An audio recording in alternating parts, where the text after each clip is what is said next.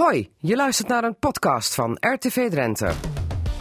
Cassata, Margriet Benak. Het is zaterdag 9 maart 2019. Goedemiddag allemaal, dit is Cassata aflevering 1046.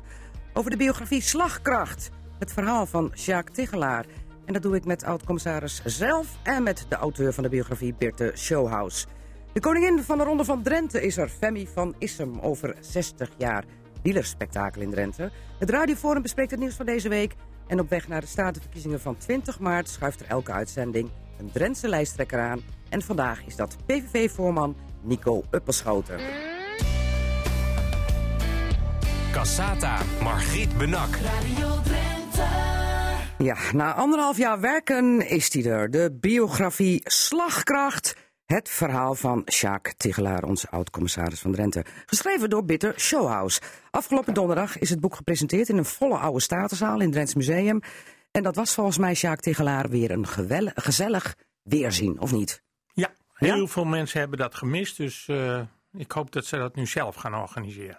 Zelf gaan organiseren, wat dan? Nou, humor, eh, bij elkaar zijn, borreltje, frisdrankje, maakt niet uit. Heeft het nog wat opgeleverd? Voor mij? Ja?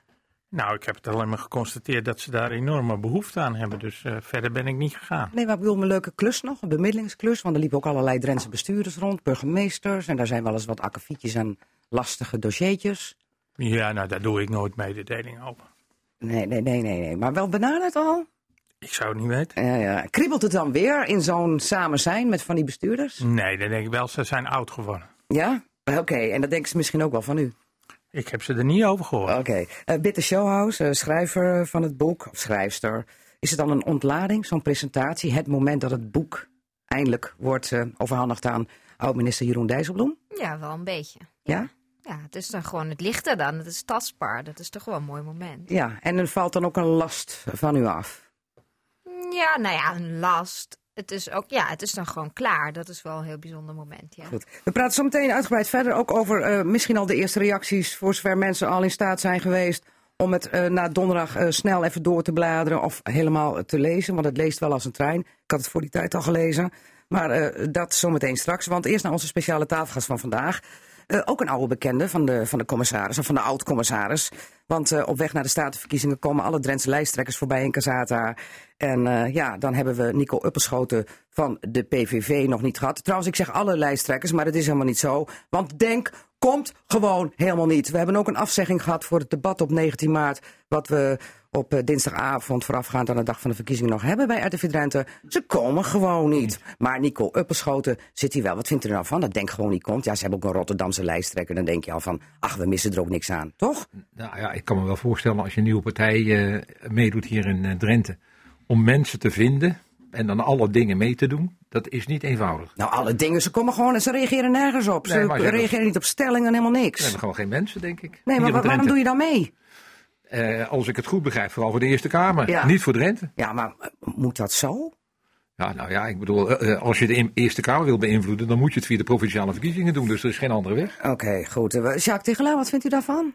Dat het op zo'n manier gaat met Denk? Doen ze Ik, wel dacht- mee? ik dacht dat het 20 maart ging over eh, provinciale verkiezingen. Maar ik heb het helemaal mis. Want als ik tv aan doe, zie ik alleen maar landelijke kopstukken. Mensen die problemen bespreken die hier in Drenthe helemaal niet aan de orde zijn. Maar goed, eh, daar prikt de burger gelukkig wel doorheen. Nou, dat valt nog maar eh, te zien op 20 Nou, die gaat dan gewoon niet stemmen. Oké, nou goed. eh, we, we gaan even verder met onze tafelgast Nico Oppenschoten. De derde ronde voor u, hè? Ja, Ja.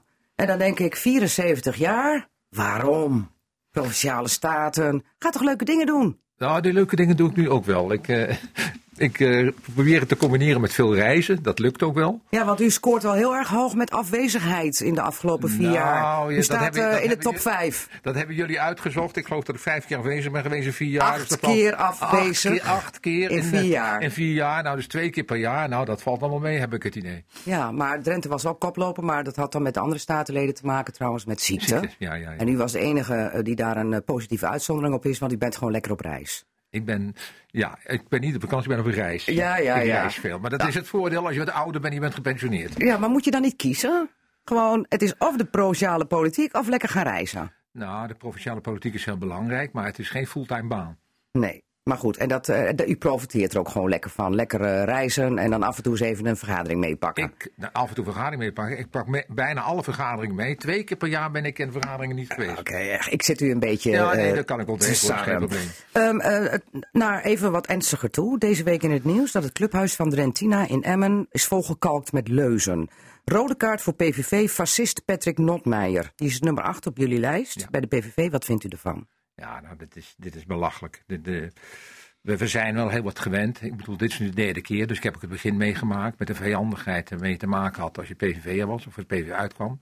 Ik dacht dat het eigenlijk een beetje weggeluwd was. Maar ja, ik ben ook verbaasd dat het nu toch weer gebeurt. En dat de nummer 8 op de lijst eh, dit soort dingen overkomt. Ja, maar ehm, ja, dan heb je ook het probleem altijd ook als eh, PVV Drenthe om zo'n lijst samen te stellen. Hè? Omdat heel veel mensen toch met de nek aangekeken worden of door de werkgever ehm, eh, worden bevraagd op het moment dat ze voor de PVV op een lijst gaan Ja, staan. nou, dat vind ik inderdaad een heel zorgelijke ontwikkeling.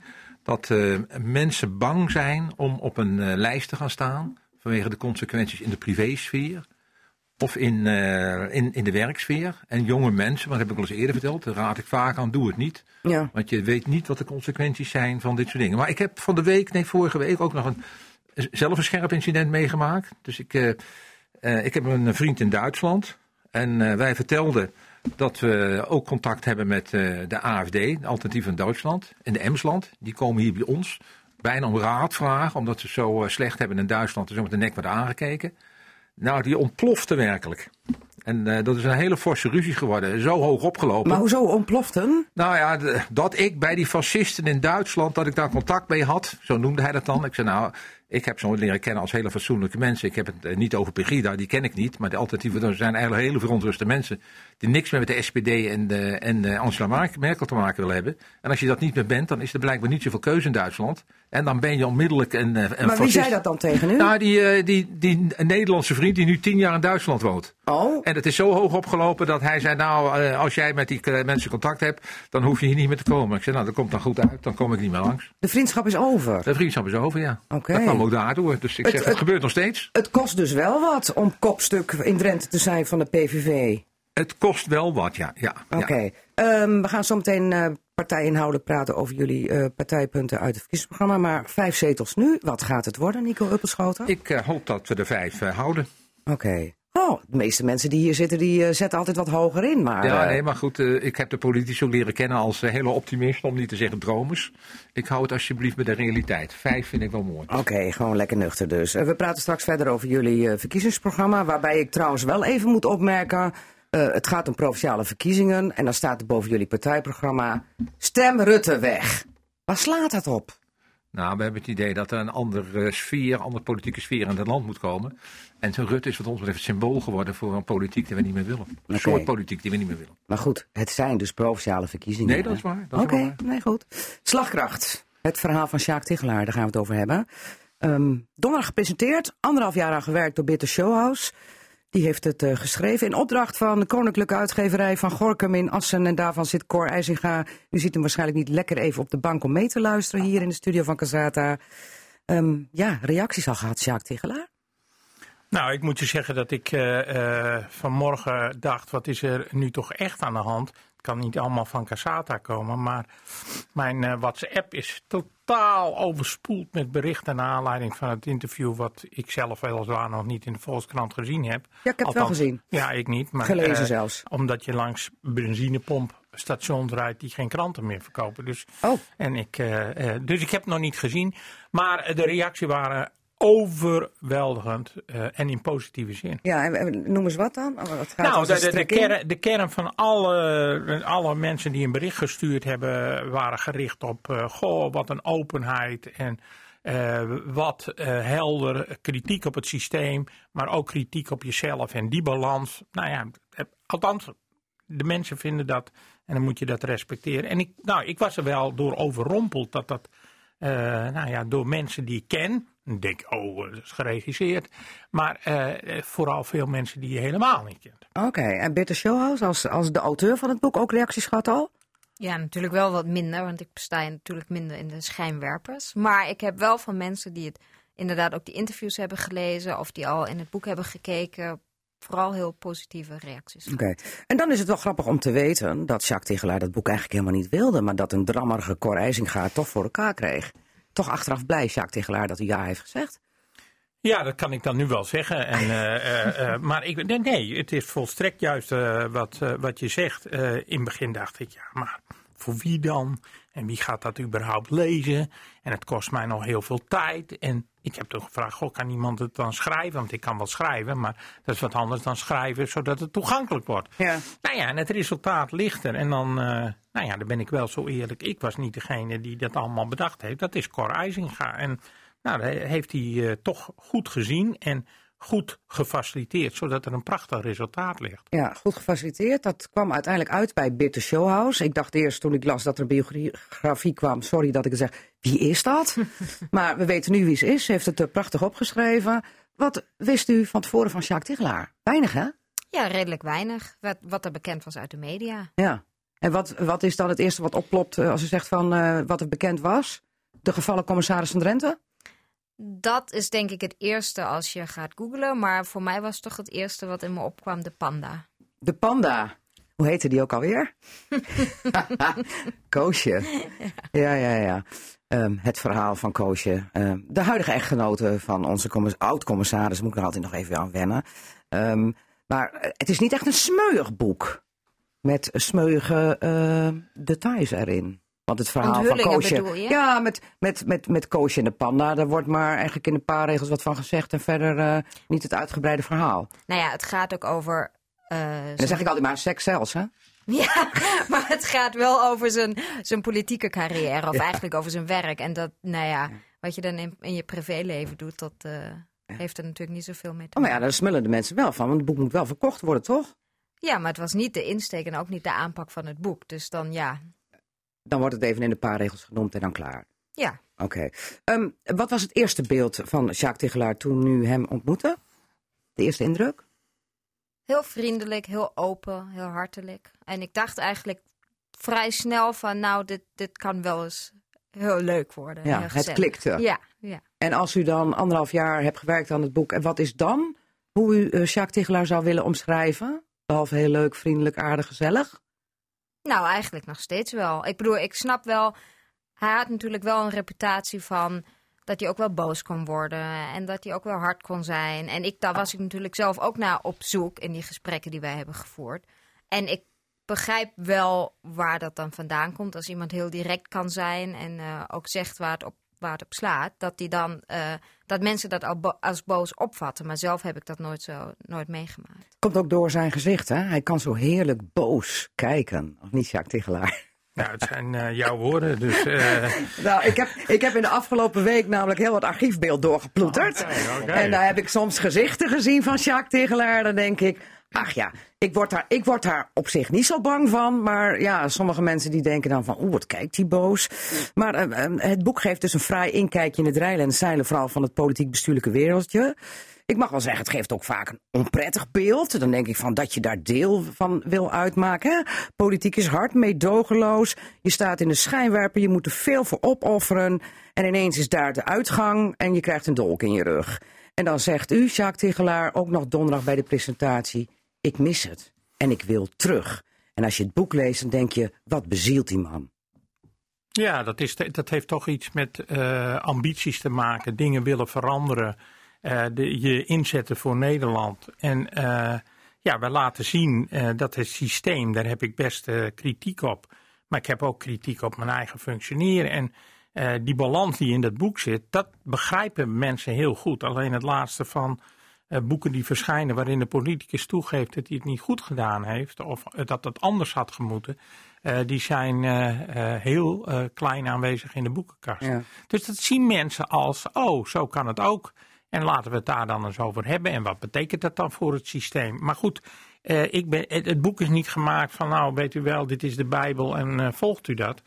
Nee, het is mijn verhaal en iemand die het er niet mee eens is, eh, even goede vrienden. Ja. Peter Showhouse, zou je eh, dit boek ook kunnen omschrijven als ehm, zeg maar zo'n handboek voor dummies op het politiek-bestuurlijke vlak?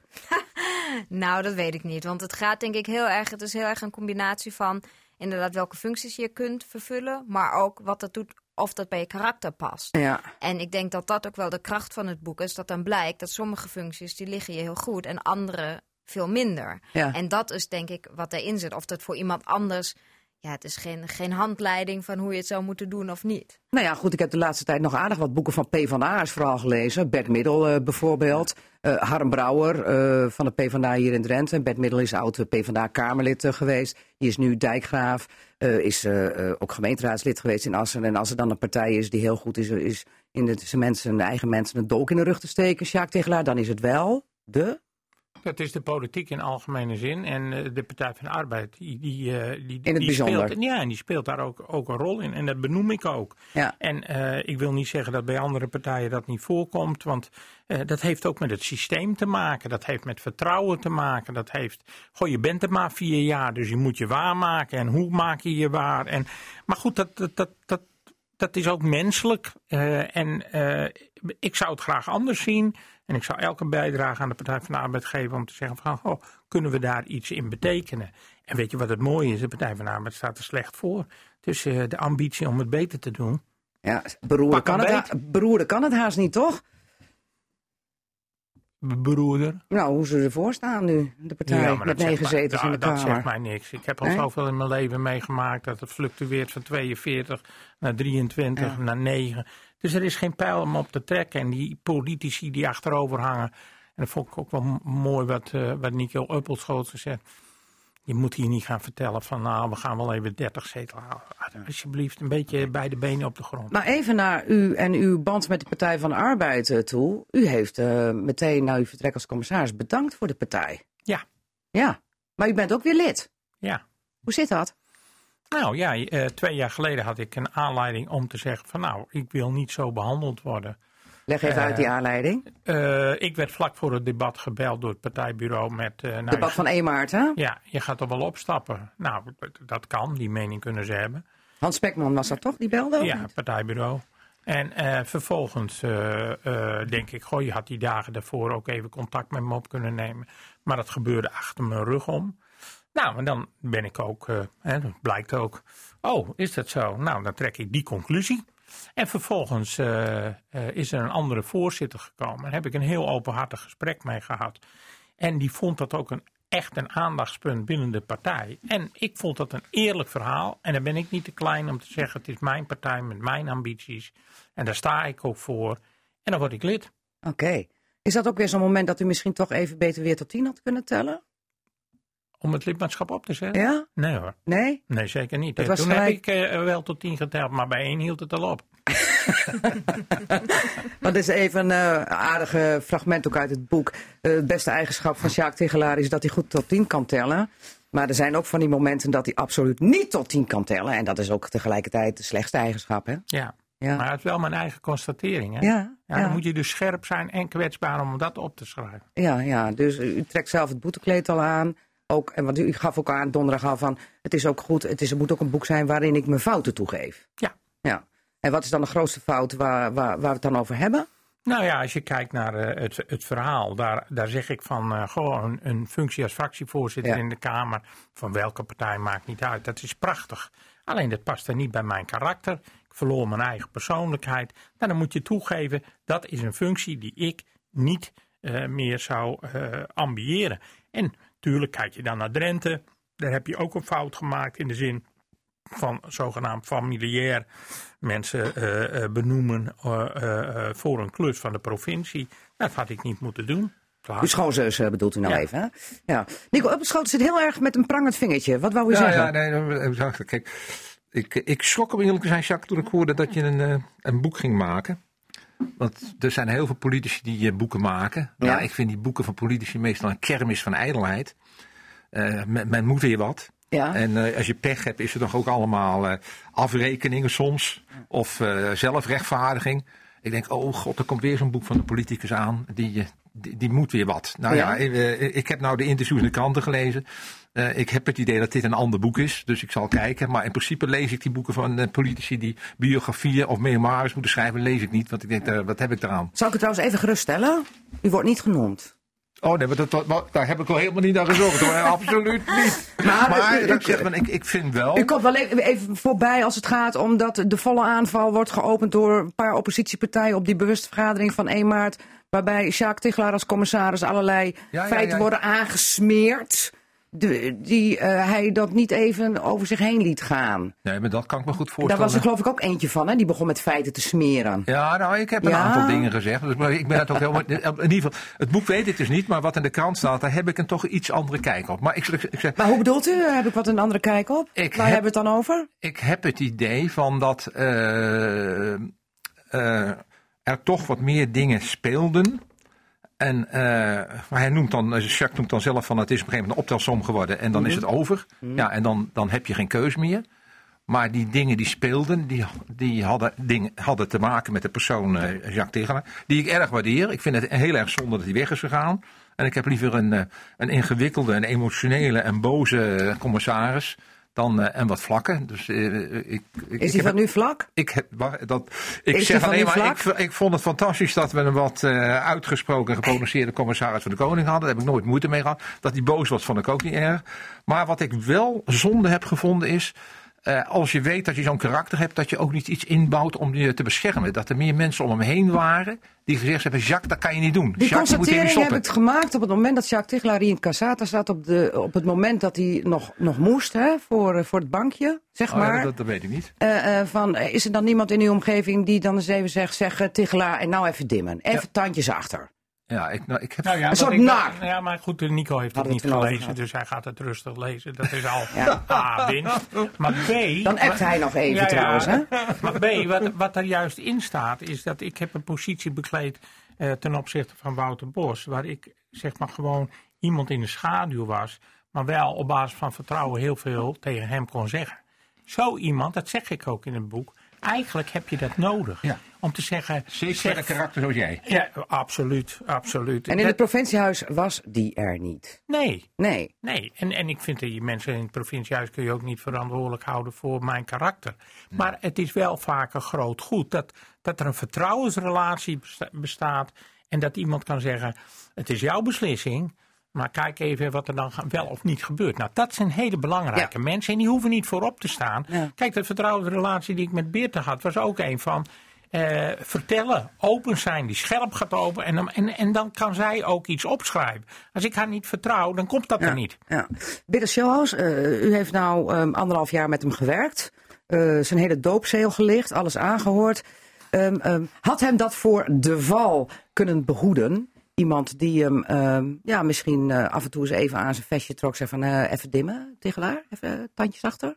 Nou ja, dat, dat weet je natuurlijk nooit of dat echt was gelukt. Maar ik denk wel, eh, dat vind ik ook inderdaad heel mooi dat we dat konden beschrijven. Dat hij zo- zelf zijn functie heeft, heeft bekleed. En dan later pas erachter komt dat hij zo iemand miste. En ik denk dat je dat pas, dat zie je natuurlijk achteraf, zie je dat makkelijker dat je iemand nodig had gehad. Ik weet niet of je dat moment, als je daarmee bezig bent, dan kun je natuurlijk niet zelf zeggen: ik heb iemand nodig die mij gaat tegen mezelf in bescherming gaat nemen. Ik heb nooit begrepen namelijk waarom er niemand in het provinciehuis was die zei van Jacques Tigelaar dat je je schoonzus naar voren schuift voor een klus. Dat kan gewoon niet. Kappen ermee. Nou, de A constateren, zo is het niet gegaan. Maar dat Ja, even, even nou, los van de eh, discussie genoemd, over de persoon. genoemd. Nee, maar, nee, maar dat, dat is gewoon waar. Dat erken ik ook. Ja. Want bij Wouter Bos kon ik dat doen zonder dat ik eh, publicitair eh, daarvoor rekening aflegde.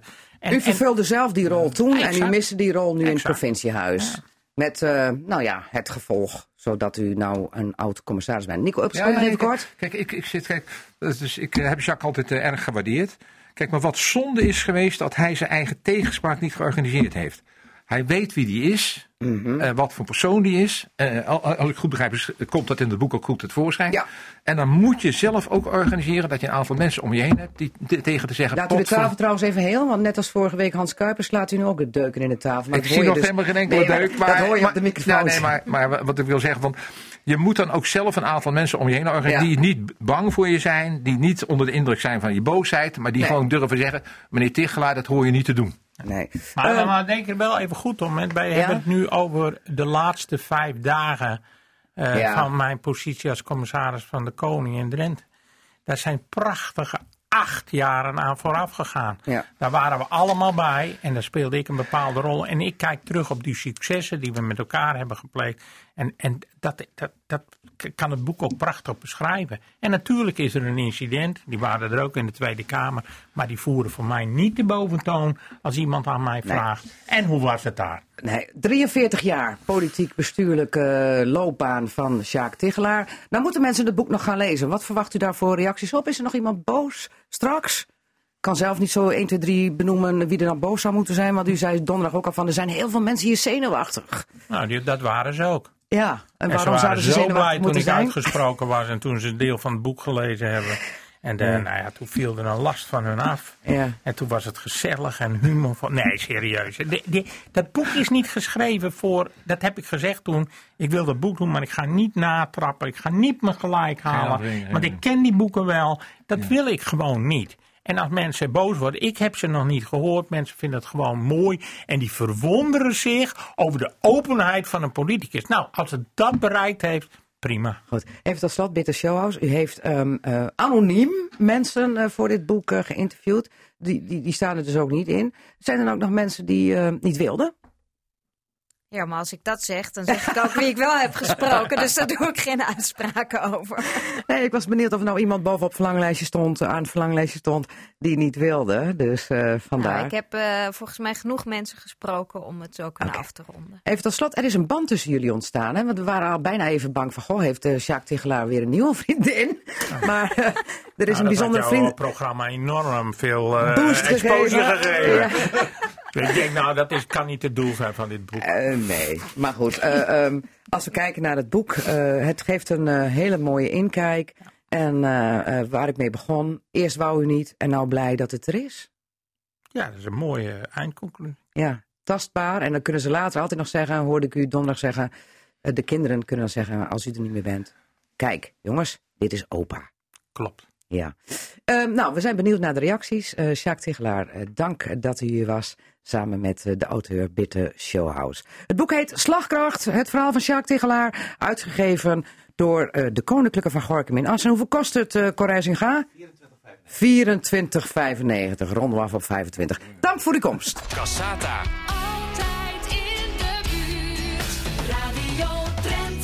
Ja, zometeen 60 jaar de Ronde van Drenthe. Maar komend weekend is die pas de 57ste editie. En dan heb ik het over 15, 16 en 17 maart. Femi van Issem is de grote roergangster van het wielerspektakel. En die is er al van kinds af aan bij betrokken. Stopt ze op het hoogtepunt? Dat horen we zo. Trouwens, Femi, de tranen zaten hoog deze week. Want ineens bleken de vergunningen er nog niet rond. Zijn de tranen weer opgedroogd? Ja hoor. Ja? De rust is weer gekeerd? Nou, nog niet helemaal natuurlijk, hè. We hebben de vergunning nog niet. Nee, nog niet. Nee, het, is, Oh. het groene licht is er. Het groene licht is er, maar de vergunning moet nog, daar moet nog een handtekening onder. Juist. Oké. En, en, en daar wachten we dus rustig op. Maar kan niet meer misgaan dan? Wel nee, Wel nee? tuurlijk niet. Oké, dus je slaapt Hoe alweer kan er nou een rustig. 60-jarige ronde van Drenthe, die kan toch niet zonder vergunning? Dat kan niet, Margriet. Nou ja, eh, ik zeg niet dat er iets niet kan, want eh, dat is de goden verzoeker, denk ik wel eens. Oké, nou dan, eh, nou Ja. ja, als, we, als we niet doorgaan, dan stoppen we. Klaar. Oké, dan wordt het volgend weekend heel rustig in Drenthe. Dat denk ik. Nou goed, we gaan, dat, dat- zover komt het natuurlijk niet. We Met gaan een dus- flinke dikke boete voor de ronde van Drenthe. Ja, want wat kost je dat als het niet doorgaat? Eh, tussen de anderhalf en twee ton. Oké, nou dat zou ik dan gelijk een claim neerleggen bij Hogeveen, de gemeente Westerveld en de gemeente De Wolden. Hatseflatsen, toch? Want die hebben dan... eh, Dat is in jouw woorden. Ja, goed. We gaan zo meteen verder praten over de Ronde van Drenthe. Want eerst even naar onze speciale tafelgast. En ondertussen heb ik een handtekening in mijn boek van Sjaak Tigelaar. Dag Sjaak, goede reis terug hè, naar eh, Tot ziens, hè. de Schiphorst. Dag. Ehm, want we gaan met Nico Uppelschoten verder praten. Eh, in verband met natuurlijk die provinciale statenverkiezing op 20 maart. Ehm, even heel kort, wie is Nico Uppelschoten eigenlijk? Behalve dan dat we weten dat hij 74 jaar is en ook graag eh, op reis gaat. Uh, uh, Nico Uppelschoten is iemand die nu 30 jaar in Drenthe woont. Ik ben altijd in het onderwijs werkzaam geweest. De laatste jaren, of de laatste 25 jaar vooral als rector, als directeur of college van bestuur. Ja. En ik heb tot mijn 65 in het onderwijs gezeten. En toen met pensioen gegaan. En toen besloten ik ga de politiek in. Want ik heb me in mijn werkzame leven ontzettend geërgerd aan politici. En ik wil een vrije hand hebben om nu eindelijk eens te kunnen zeggen wat ik van de politiek vind. Nou, dat probeer ik nu te doen. Ja. En, en, maar u was D66er en uiteindelijk komt u bij de provinciale politiek terecht op de PVV. Oh, maar dat is al heel lang geleden hoor. Dat ik. eh, Dat geeft niet. Nee, nee, maar dat, dat was zo. Vaak maar op een gegeven moment. mensen die van eh, partijen bege- ho- bege- hossen. Nee, nee, op een gegeven moment ben ik opgehouden omdat er te veel het sfeertje ontstond van ons soort mensen. En dat waren dan de mensen van D66. En dat ons soort mensen waren ook de betere mensen. Toen dacht ik, nou, daar hoor ik niet meer bij. Nee, dus de, de PVV is wat ons soort slechtere mensen dan? Nou, dat ons soort me- mensen, dat was dan te veel toch. eh, ik zou bijna zeggen, de koetmensen van Duitsland. En dat had, heb ik toch eh Oké. moeite mee. Maar waarom dan de PVV? De PVV die staat voor een ander soort politiek. Waarbij mensen, eh, de gewone mensen, meer de kans krijgen. En rekening wat gaan met gewone mensen. Ik heb het idee dat, dat had ik trouwens afgelopen woensdag ook bij het debat met de eh, Dagblad van het Noorden. In de, de Nieuwe Kolk. Ik vind het wel een heel erg inkrautsfeertje geworden. De mensen die met de politiek bezig zijn in Drenthe. Ja, het zit allemaal partijkaarten toch? Daar op de Ja maar, tribune. ja, ja, maar goed, het sfeertje wat er is, is zo'n inkrautsfeertje. En ik denk, ja, houden jullie nog wel rekening met het feit dat er ook nog mensen zijn die niet bij de politiek horen en bij het politieke eh inkraut horen. Hmm. En dat er wordt er wel rekening gehouden met wat de gewone mensen willen en de ge- wat de gewone mensen wel of niet kunnen betalen. Hmm. Maar er worden allemaal mooie plannen gemaakt door mensen die het over het algemeen goed hebben. Ja. We gaan even heel snel, want anders heb ik geen tijd voor de Ronde van Drenthe. En we moeten toch 60 jaar bespreken. Ja, nee. Geen tijd meer. Even heel kort. Ik heb even het eh, verkiezingsprogramma van de PVV eh, doorgekeken van Drenthe. Het valt me toch tegen trouwens, want eh vorige keer hadden jullie gewoon lekker een A4'tje. Lekker overzichtelijk. Nu is het even wat meer geworden. En dan lees ik het volgende, de highlights. Ehm, geen multiculti-subsidies. Wat zijn dat en zijn die er nu dan? Nou, dat zijn subsidies voor allerlei activiteiten. Waarbij eh, zogenaamd geïntegreerd moet worden. De gezellige ma- maaltijden eh, met van verschillende culturele groepen. Nou, hou op met die onzin. Dat moet, moet je gewoon niet doen. En eh multicultureel bedoelen we ook eh, eh, het idee, we kunnen door eh, allerlei activiteiten de multiculturaliteit, de diversiteit in eh, Nederland bevorderen. Wij zeggen, laten we nou eens van uitgaan dat we één leidcultuur hebben. Dat is de Nederlandse cultuur. En die moeten we sterk houden. En mensen passen zich daarmee aan. Ik heb, kom nog uit de tijd van integreren met behoud van eigen cultuur en taal. Dat was toen heel erg in. Nou, daar zijn we nu ook helemaal van terug. Maar laten we dan ophouden met dit soort activiteiten die daar nog bij horen te Maar stoppen. ik kan niet iets meteen bedenken, terwijl ik toch al vrij lang rondloop in Drenthe, dat de provincie geld uittrekt voor multiculti dingen. Dat is toch iets gemeentelijks? Dat, doen de, dat doet de provincie toch helemaal niet? Dan Nou, denk ik, wat, wat doet zoiets in het Er- Er zijn, er zijn culturele activiteiten die je eronder kunt eh, scharen. Mm, Nou, ik moet ze ver zoeken. Eh, we gaan door. Geen provinciale ontwikkelingshulp. Nou, volgens mij is dat met het miljoenendebakel van de WMD en, en het geld wat daar naar Indonesië is gegaan in waterproject is er wel klaar nu. Ik, eh, ik, Ik kan het- geen ontwikkelingsproject meer bedenken. Ik, ik, kan, ik hoop het van harte, maar het is. Wij hoeven. Wij mogen ons best beperken tot Drenthe. We hoeven de wereld niet te redden. We hoeven Europa niet te redden. Hou het tot Drenthe en laten we de activiteit en het geld vooral voor Drenthe besteden.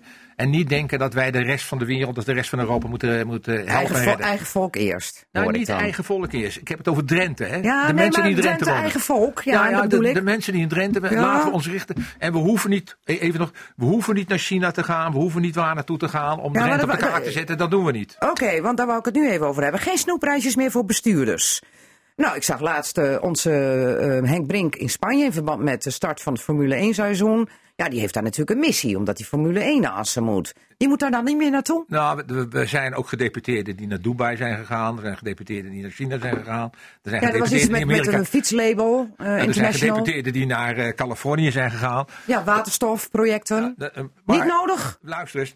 Ik zeg, Drenthe i- is redelijk klein. Er wonen 500. Moeten wij ons nou op de wereld profileren? Drenthe? Ik denk, probeer alsjeblieft Drenthe zo goed mogelijk te organiseren. En hier activiteiten te Maar daar kun organiseren. je wijsheid vandaan halen en misschien eh, economische werkgelegenheid. Ja, eh, Wijsheid kun je ook halen. Dan hoef je niet meer zelf die reisjes te maken om daar zelf te gaan kijken. Nee, je Blijf maar hier en zoek het maar op op internet.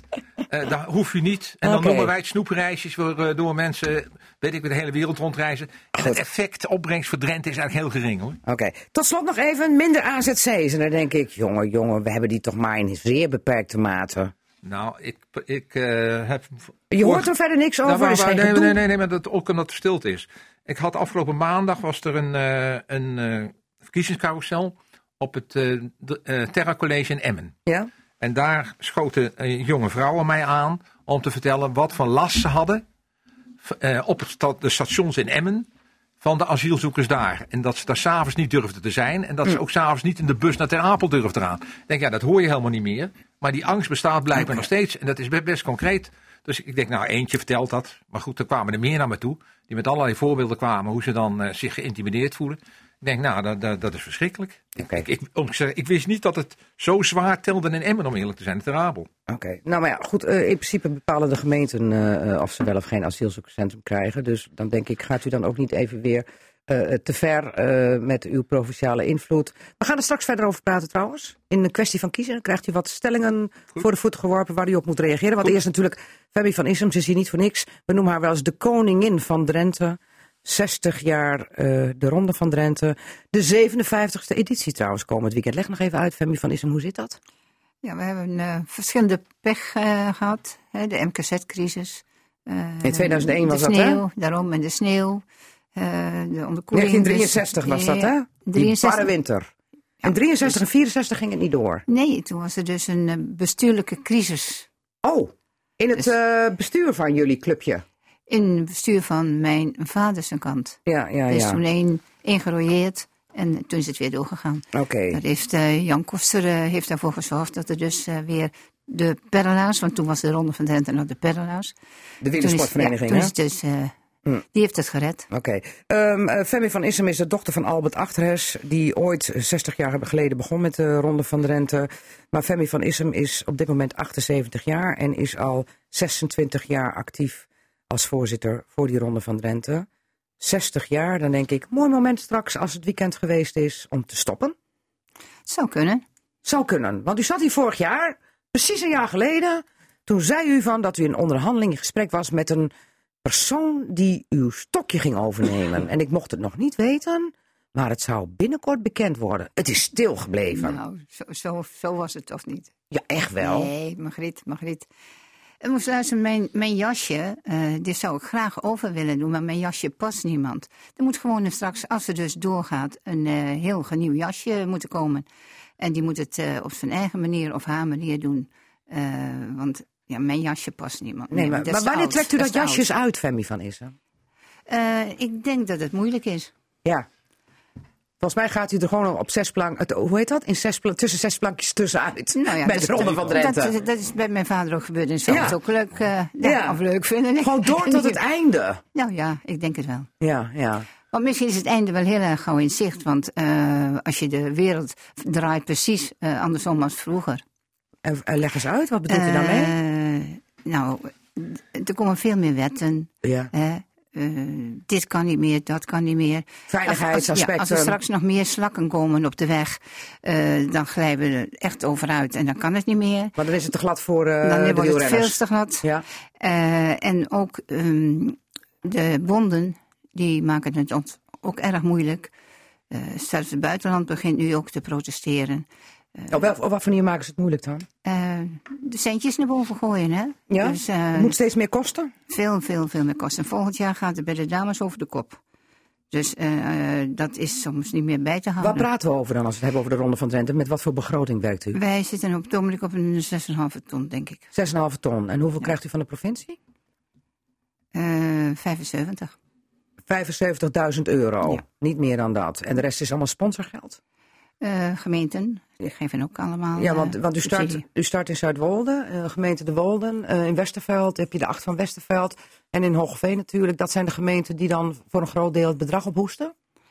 Ja, met ons sponsorkorps natuurlijk. Ja. En dat wordt steeds moeilijker om dan toch die wedstrijden, de dameskoers en mannenkoers hier naartoe te halen.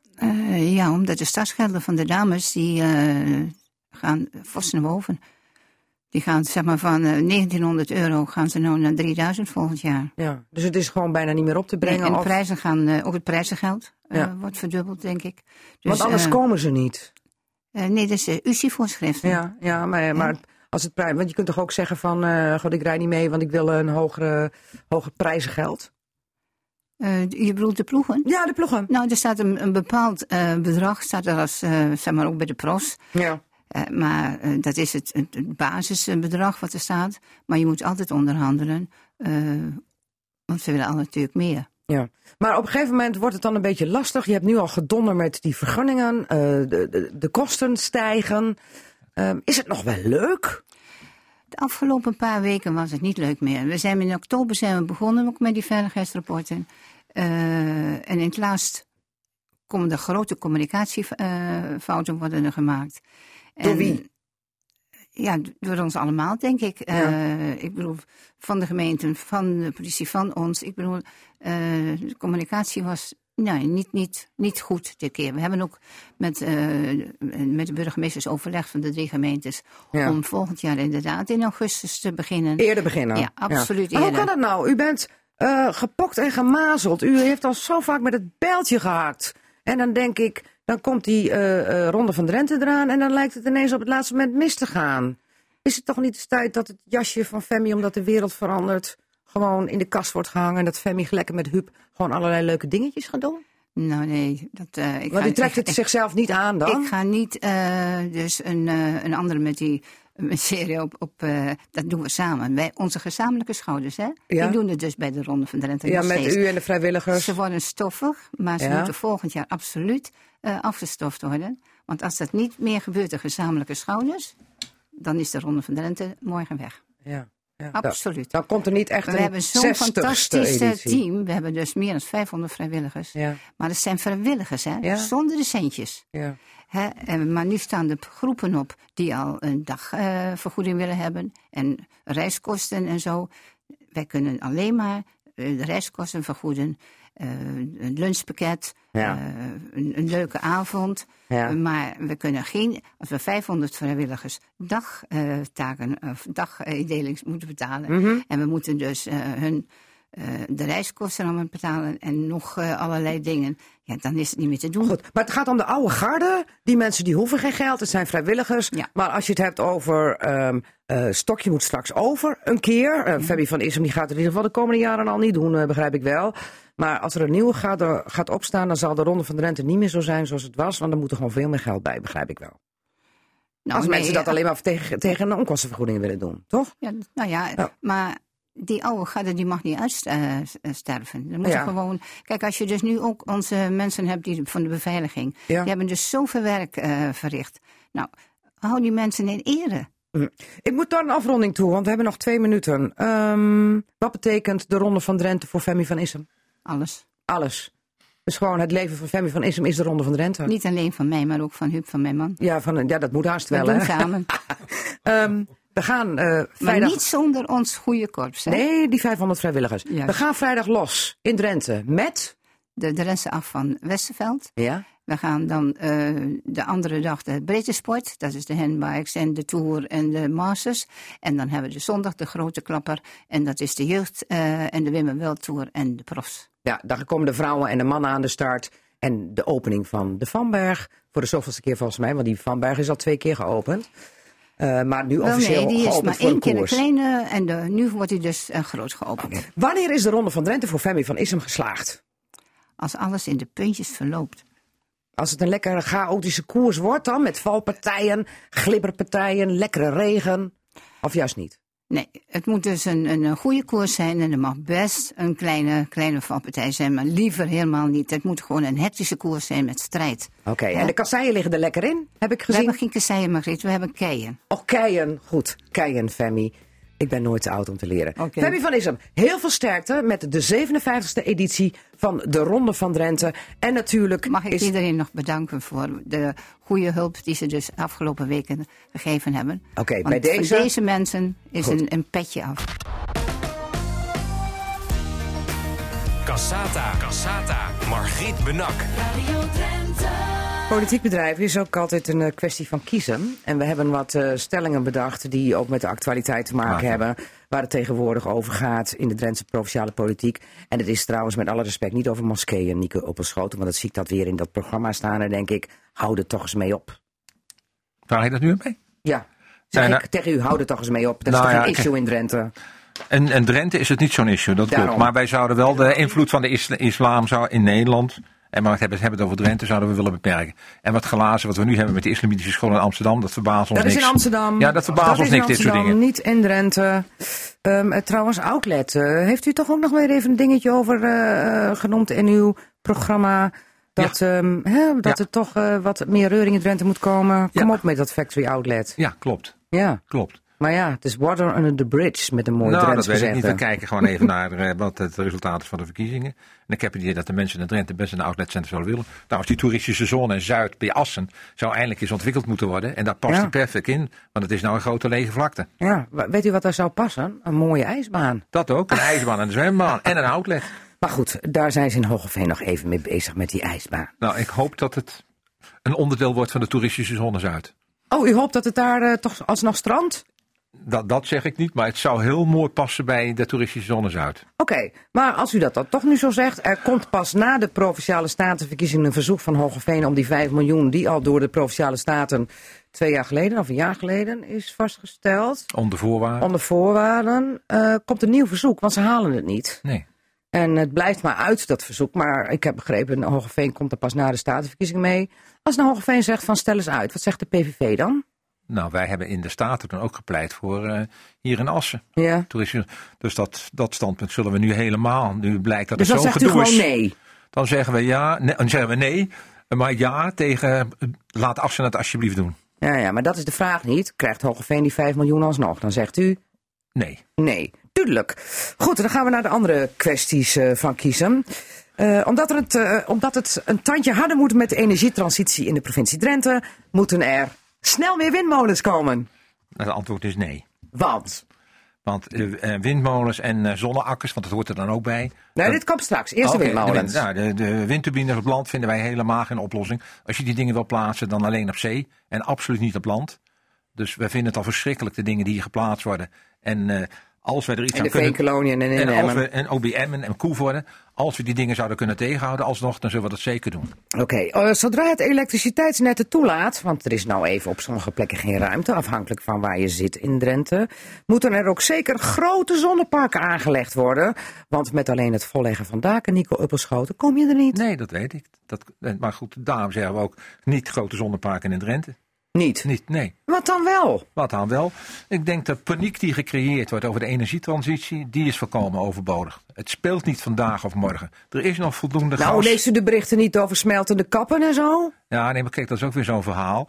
Eh, als de temperatuur 1 graad stijgt of 2 graden De stijgt... PVV dan- vindt het de fabeltjeskrant. Nee, hè, nee, nee, wij, nee, eh, dat, oh. maar het- nee, dat zijn fabeltjes die verteld worden als de temperatuur 1 graad stijgt of 2 graden stijgt, dat dan de wereld ten onder gaat. Nou, de temperatuur is al vaker gestegen en gezakt en de wereld is niet ten onder gegaan. Hmm. Dat is een soort paniek die gecreëerd wordt en een soort noodzaak om morgen alles in orde te hebben die helemaal niet, niet bestaat. Denk La- aan uw kinds kinderen, ja, zeg nee, ik dat, dat denk ik aan. Ik, ik, ik denk er ook aan van hoeveel geld gaan wij weggooien en hoeveel welvaart blijft er in Nederland doordat we geld over de balk gooien. maar we moeten toch wel iets duurzamer gaan leven. Oh nee, dat, daar, ben ik het mee eens. En op wat voor vlak dan wel? Nou, ik denk dat je energiezuiniger zou, eh, zou moeten gaan leven. Dat je Dus de woningen energie-neutraal maken, bijvoorbeeld? energie-neutraal maken van woningen, dat lukt never nooit.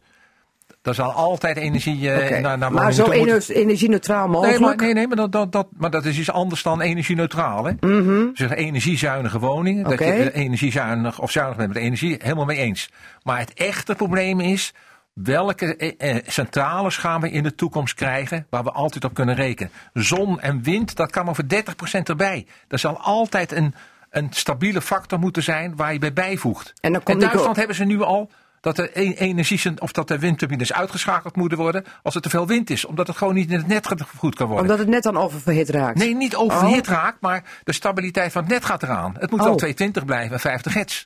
Je kunt niet onbeperkt Nee, maar eh, dat bedoel ik juist. erin doen. Dat bedoel ik juist. Dan, dan, dan eh, komt het te veel in het net, want dan wordt het uitgeschakeld. Ja, ja, maar te, te, te veel. Het net is er niet meer stabiel. Nee. Dat is het probleem. Oké, en dus zegt de PVV in Drenthe kerncentrales. Wij, wij dat heb ik trouwens eh, eh, eh, op een andere plek ook.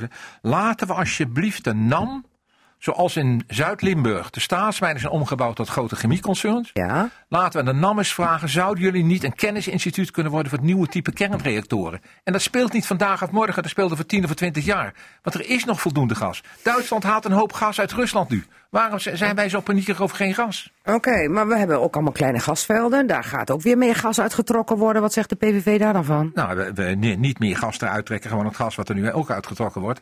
En Nee, maar ze gaan nieuwe blokken in gasvelden aanboren. die dus ook nog verder Ja, leeggetrokken in bestaan, worden. maar ik zou bijna zeggen, ik heb ook die eh, berichtgeving, die correctie van, eh, van de NAM. Eh, het is ook wel een, een fake nieuws dat er ineens veel meer gas gewonnen zou worden, veel meer nieuwe gasvelden aangeboord zouden worden. Nee, die gasvelden die zijn er al, maar er zitten blokken in die gasvelden die nog onaangeboord zijn. En waar nog gas in zit. En dat moet eruit. Ja, nou ja, goed, dat, dat, Dat vindt u oké? Dat, dat, dat, dat doen ze daar maar. Ja? Geen Ja. probleem? Nee. We gaan verder met de kwestie van kiezen. Eh, Drenthe moet trots zijn op een eredivisieclub als FCM en een nieuw stadion mag ook zeker provinciaal geld kosten. Ja. Oké, Ja. mooi. Formule 1 uit Tieske in Assen, daar wil ik vol gas voor gaan. Ja. Nou, veilige wegen is een groot goed. De N34 moet verdubbeld worden. Zeker. En wel zo snel mogelijk. Zo snel mogelijk. ja. Goed. Groningen Airport Eelde moet in de lucht blijven als belangrijke voorziening voor de regio. En geld van de overheid erin steken is geen probleem. Eh, het, hangt natuurlijk af van hoeveel geld, maar het is in principe geen probleem. We vinden dat het hoort bij de infrastructuur. En het vliegveld Eelde, of Groningen Airport Eelde, mag geld kosten. Goed zo. Als Wildlands gered moet worden, mogen ze ook aankloppen als het echt niet anders kan bij de provincie Drenthe. Nou, dan moet het echt, want maar wij hebben niet, we zijn niet zo enthousiast en nooit geweest over Waardlands, omdat we dachten, het is een voorziening, een toeristische voorziening, waar men helemaal niet op zit te wachten volgens ons. Dus Hoezo dat- niet op zit te wachten? Nou ja, ik heb het idee van, het is geen dierenpark en het is geen Ja, belevingspark. en ze worden weer helemaal een dierenpark, hè? De achtbaan die is er, of hoe heet dat ding ook alweer? De tweestrijd. Maar dat is het dan ook wel. Meer komt er ook niet bij. Ze gaan helemaal weer focussen op de dieren. Ja, maar zal het zo'n gezellig dierenpark worden zoals het was? En zo gezellig als de andere dierenparken? Dat denk ik Nee, niet. wat was is weg. Ja, nee, maar goed. Maar wordt dit dan wel een dierenpark of wordt het van alles niks? Dat is mijn zorg. En moeten we dan daar wel een hele hoop geld in blijven steken? Maar ik vind het ook, het is altijd, we hebben geïnvesteerd. Eh, wij waren er niet gelukkig mee, maar de, eh, op een gegeven moment moet je weer een afweging maken. Niet investeren en het laten verdwijnen is ook eh, helemaal niet goed. Maar als je dit al niet een goede ontwikkeling vond, van hoe lang blijf je dan nog investeren? En kun je het bij- zo bijschaven dat het toch een succes wordt? Nou, daar hebben wij heel zorgen over. Oké. Goed, dit was een kwestie van kiezen. Hoogste tijd voor wat anders in Casata. Cassata, het radioforum. En Nico Upperschoot en ik mag nu je zeggen, want dat doen we gewoon in het radioforum van Casata. Oké. Ja, mag dat? Ja. Ook al bent u, eh, moet ik eigenlijk tegen Je. u, u, je zeggen. Respect voor de ouderen, hè? Maar, maar het waren toch geen verrassingen wat ik nu verteld heb? Ik bedoel, dat is zo duidelijk als wat, eh wat ik Nee. standpunten wij hebben. Nee, dat is duidelijk, maar Ja. dat is voor de luisteraar is het niet altijd even duidelijk. oké. En Nou, elke ben ik, ben ik lijsttrekker, blij dat ik het nog een keer heb kunnen en zeggen. elke lijsttrekker krijgt gewoon in Casata even een podium. ehm, ehm, tot drie keer aanbieden trouwens hoor, want Forum voor Democratie heeft ook drie keer geweigerd, dus die horen we hier ook niet meer in de Casata-studio. Ja, te druk. We staan goed Ja? in de peilingen en dat soort zaken. Goed, want naast Nico Upperschoten van de PVV in het radioforum zit vandaag. Willemie Meeuwissen, fractievoorzitter van de VVD en ik woon in Assen. En Wim Jarenkema, een Tweede Kamerlid voor GroenLinks uit Meppel. We gaan gelijk gas geven. Eh, Formule 1. Vandaag, kijk eens, in de Telegraaf. Een enorme pagina. Heel Nederland is enthousiast over de Formule 1 in 2020. Jij toch ook. Zet die racebril op. Ik heb dat ooit ook een keer gedaan. Ik zie mij daar onderaan. Echt waar? Rechtsonder daar. Met Hup Assen op mijn snuit. Ik wist er niks van. Het is me niet gevraagd. Kan ik daar nog geld voor vangen trouwens? maar een, een, een hele, op- hele oplettende collega, Wolter Klok, had mij meteen herkend. Ik had er Oh. zelfs een zonnebril achter gedaan. Maar goed, ehm, maar ook een ingezonden brief vandaag. Want wat was er aan de hand deze week? De Sportraad Nederland bemoeit zich er ineens mee in een open brief. En roept van, Assen staakt u wild geraas. Hou op, we moeten in Nederland gaan voor Zandvoort. Want als het daar niet komt, gaat het mis. Dus Assen, kap ermee. Willemien Meeuwsen, vandaag Ja. ook een ingezonden stuk van jullie in de krant... van de VVD-fractievoorzitters in Groningen, Drenthe en Friesland. Want, Ja, zo is dat. Nou ja, de sportraad die, eh, ja, die disqualificeert zichzelf hier eigenlijk mee. Want zij mogen gevraagd en ongevraagd advies geven aan het kabinet. Hè. Ze geven dan ook advies om geld erin te stoppen, wat het kabinet niet wilde. Ehm, nou ja, dat, mogen ze, dat advies mogen ze geven. want als we geen geld erin stoppen... dan is de kans groot dat er geen Formule 1 in ons in land Zandvoort, komt. nee, in Zandvoort In komt. Zandvoort, ja. Ehm, nou ja, wij vinden helemaal niet dat daar geld eh, in gestopt moet worden. Dus wij vinden dat het kabinet een goed besluit heeft genomen. En in Er hoeft Assen geen geld bij van geld de bij nationale overheid. Om, om naar de voor de organisatoren. Ehm, eh, en we, eh, hebben vanuit Assen gehoord dat daar dat geld niet nodig is. Dat ze dat uit de markt kunnen ophalen. Nou, dat is natuurlijk veel beter. Eh, maar goed, op zich mogen ze dat adviseren. Hè, dat, dat mag. Maar wat ze daarbij ook zeggen is van Assen moet ophouden met zichzelf te profileren.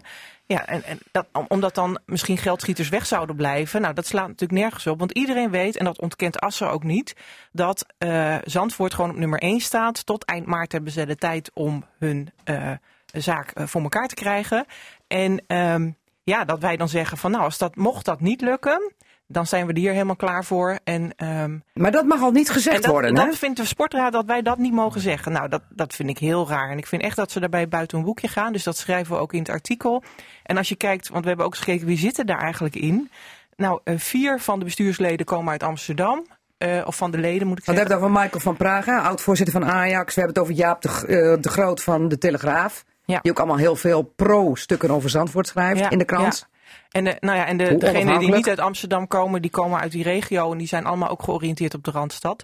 Dus eh, wat we ook in ons stuk schrijven, is dat we eigenlijk vinden dat daar een Noorderling ontbreekt. Dus we hebben een, zien een schone taak voor Hans Nijland. De oud-voorzitter van FC Emmen. Nee, Nee, eh, de, Eh, FC Groningen. hè? FC Groningen. Als hij, hij ik nou. stopt daar eind van het seizoen. En dan, Ja. eh, nou, Straks oud-voorzitter, ja. Geen mooiere plek voor hem dan ook in die sportraad te gaan. Want Oké. ja, zoals ze zich nu opstellen, dat kan, eh, dat kan niet. Jacques Tichelaar, die zit ook nog werkeloos thuis. Nou, eh, ik weet niet hoe, hoeveel die met de sport heeft, maar Ja, dat mag van mij. Oké, kortom, eh, eh, Sportraad Nederland, eh, buiten het boekje. En ehm, ja, eigenlijk piepelen ze hiermee toch een beetje, Assen.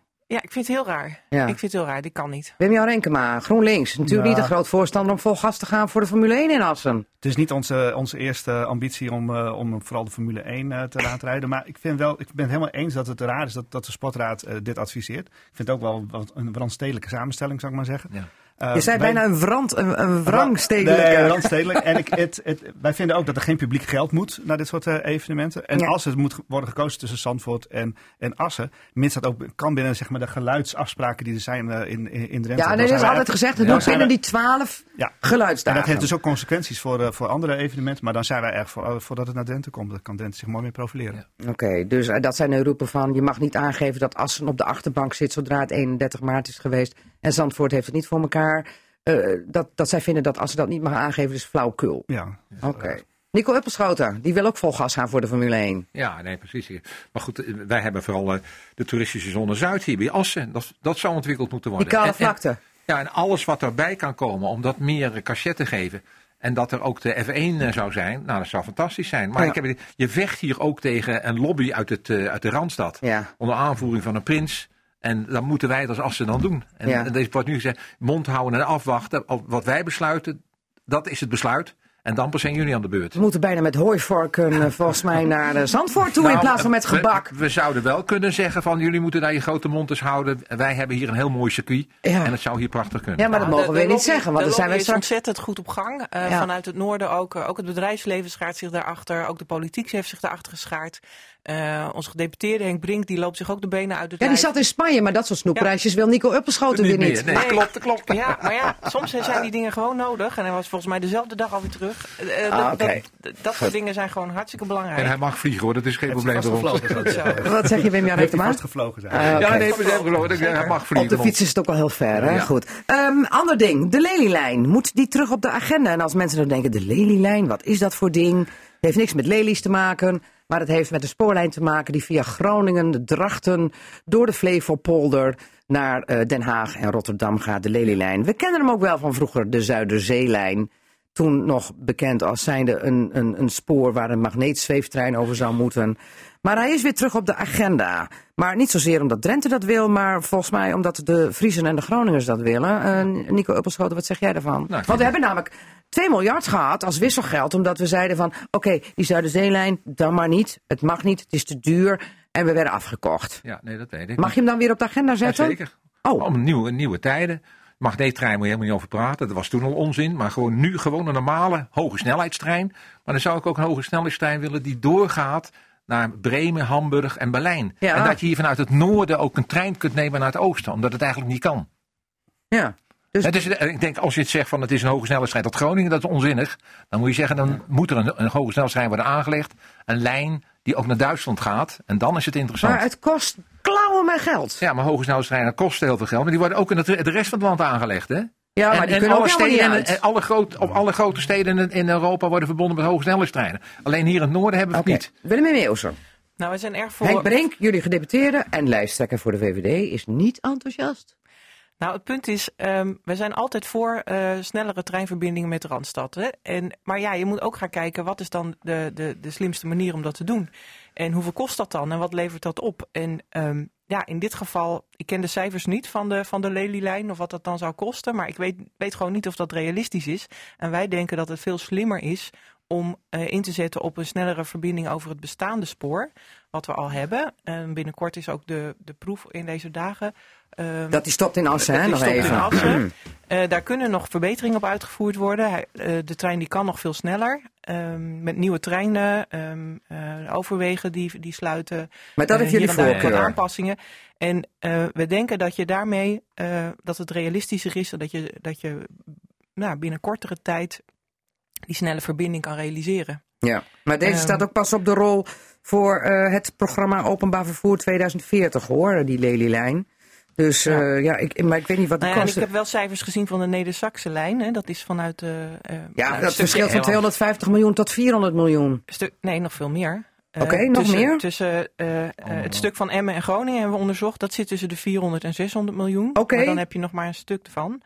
Ehm, Dan hebben we het even voor alle duidelijkheid. De treinverbinding van Almelo naar Groningen via Ja. de oostkant, via Ja, Emmen. via Emmen. we hebben daar vorig jaar een onderzoek naar gedaan. Ja. En dat zijn zulke bedragen. En dan kijk je, dan gaat het om 19 Ja. minuten tijdwinst met de bus. eh, vergeleken met de bus die er nu al is tussen Emmen en Groningen. ja, En er zijn 6000 reizigers per dag ongeveer.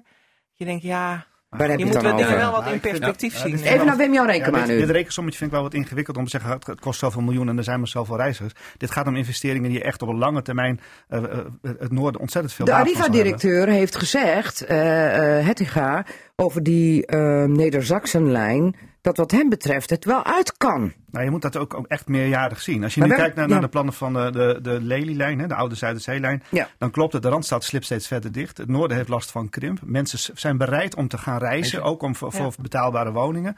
We hebben een achterland van Duitsland, maar ook Scandinavië, wat echt vraagt om een goede aansluiting tussen Groningen en Amsterdam. Dus elke minuut winst daar, dat, dat, dat helpt. En dat Ja. zou niet in plaats moeten overigens van een snelle verbinding over Assen naar Zwolle. En dat hoeft ook helemaal Die niet. moet je ook. Ja, het is, Ja. wat ons betreft Dat zijn. Dat zijn Maar die is realistischer toch? Die krijgt toch veel sneller van elkaar. Wat ons betreft sowieso. sowieso doen. Dat gaan we sowieso doen, wat Ja, ons ja. betreft. Maar goed, ehm, als we dan moeten kiezen, eh Nico Opperschoten. de maar- Lelylijn of de Neder-Saxenlijn? Welke kies je? Dan zou ik de, le de lelielijn kiezen. Ik En wil jij, het noorden gewoon snel verbinden met de Randstad. Die, die, die, die, ne- Neder-Saxlijn heeft niks te maken met een snelle verbinding met de Randstad. Hè? Nee, dat Nee. klopt. Maar dat is ook weer extra verbinding per spoor. en, en en- wat zeg jij, Willemien Meeuwsen? Nou, Lelylijn of daar kan ik nu nog geen uitspraak over doen. Eén van de twee. Ja, ik, ik weet het niet. Ik zou, Welk eerst de spoor neem je? cijfers, Spoor 1 of spoor 2? ik zou eerst de cijfers moeten weten. Wim Jan Renkema? Ja, nadrukkelijk de Lelylijn. Dat is echt een verbinding tussen Randstad in het noorden en vervolgens naar Duitsland.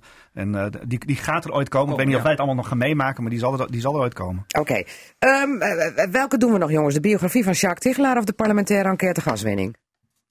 De parlementaire enquête lijkt me. Ja?